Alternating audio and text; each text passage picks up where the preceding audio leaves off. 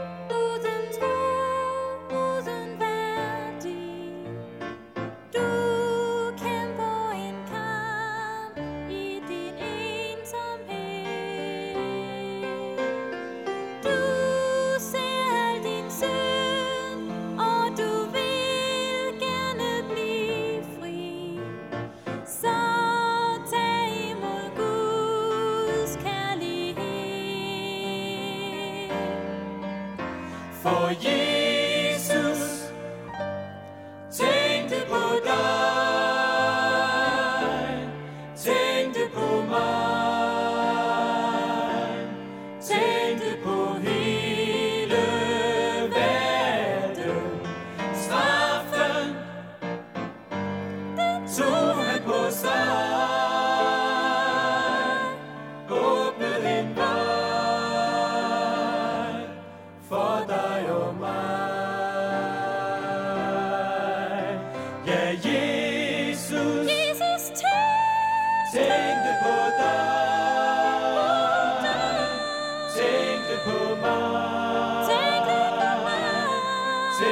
tænkte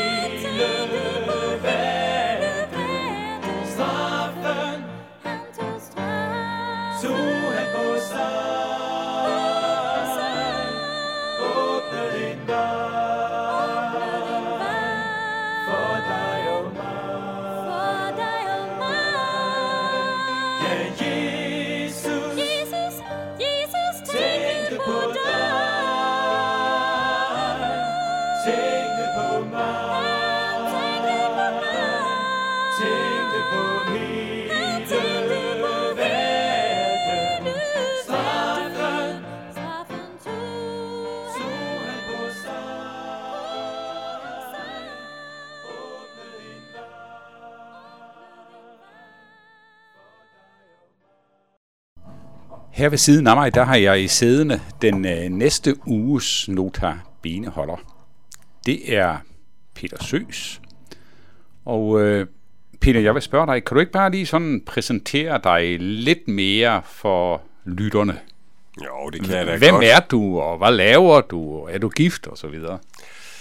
Ja, vi kan da begynde med det. Jeg er gift, og det er jeg på 19 år med øh, Lilian, som er læge, og sammen har vi tre børn, og bor ude på Vestamager, hvor jeg selv arbejder som sovnepræst ved Skelgårdskirken, og hvor mine børn går i skole, og hvor vi sådan lever vores liv.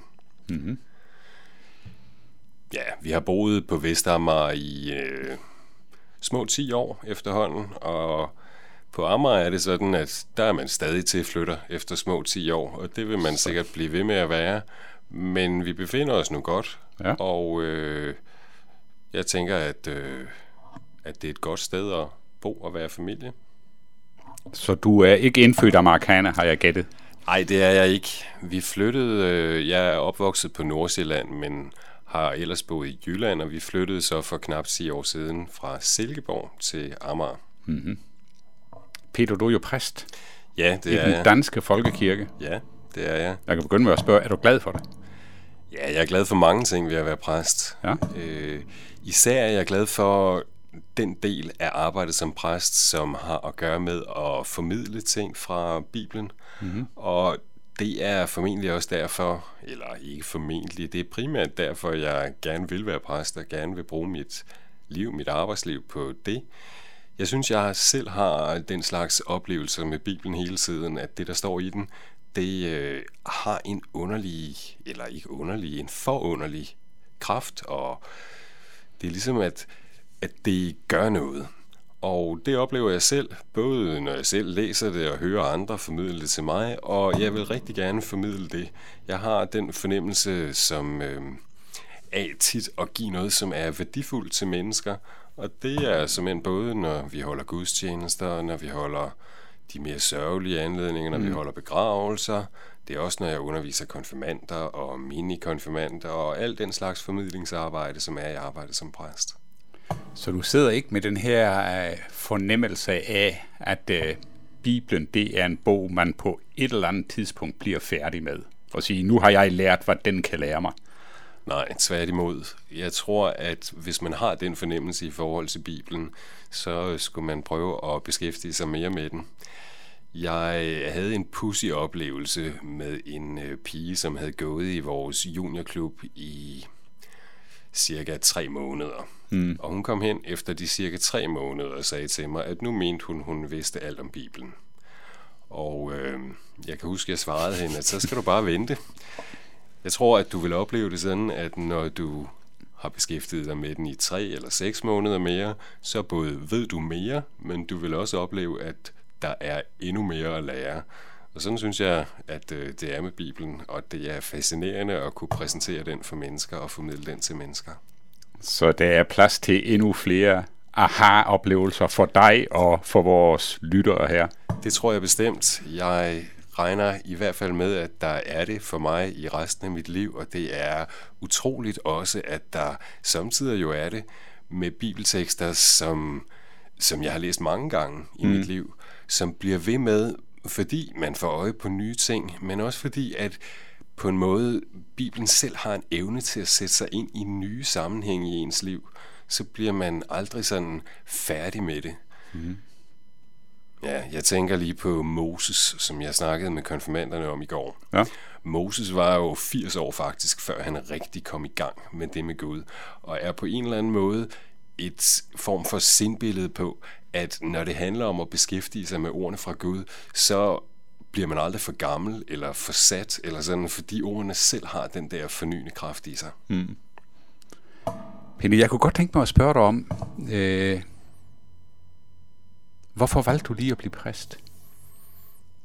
Altså, der er jo tusindvis af andre muligheder på hylderne. Ja, det var der også dengang, jeg Ja. ja. ligesom skulle øh, vælge. Jeg øh, havde også andre interesser. Ja. Jeg øh, overvejede en tid lang at beskæftige mig mere med kemi og den slags ting. Okay. Og gik, da jeg gik i gymnasiet for snart mange år siden, meget op i fysik og kemi og matematik, og tænkte ligesom at gå den vej. Men jeg tror, at noget af det, som trak, det var glæden ved at kunne øh, dele ud af noget af det, som på en eller anden måde er helt basalt i mit eget liv. Det er fysik og kemi selvfølgelig også, men det er jo på en anden måde. Mm. Selvfølgelig er vi sammensat af fysik og kemi, men alligevel er der noget, som er endnu mere grundlæggende, og det er det, jeg har fornemmelsen af at dele ud af, når jeg arbejder som præst. Peter, et sidste spørgsmål. Ja. Når du nu tænker på dit arbejde som præst i øh, dit sovn, Ja. er det så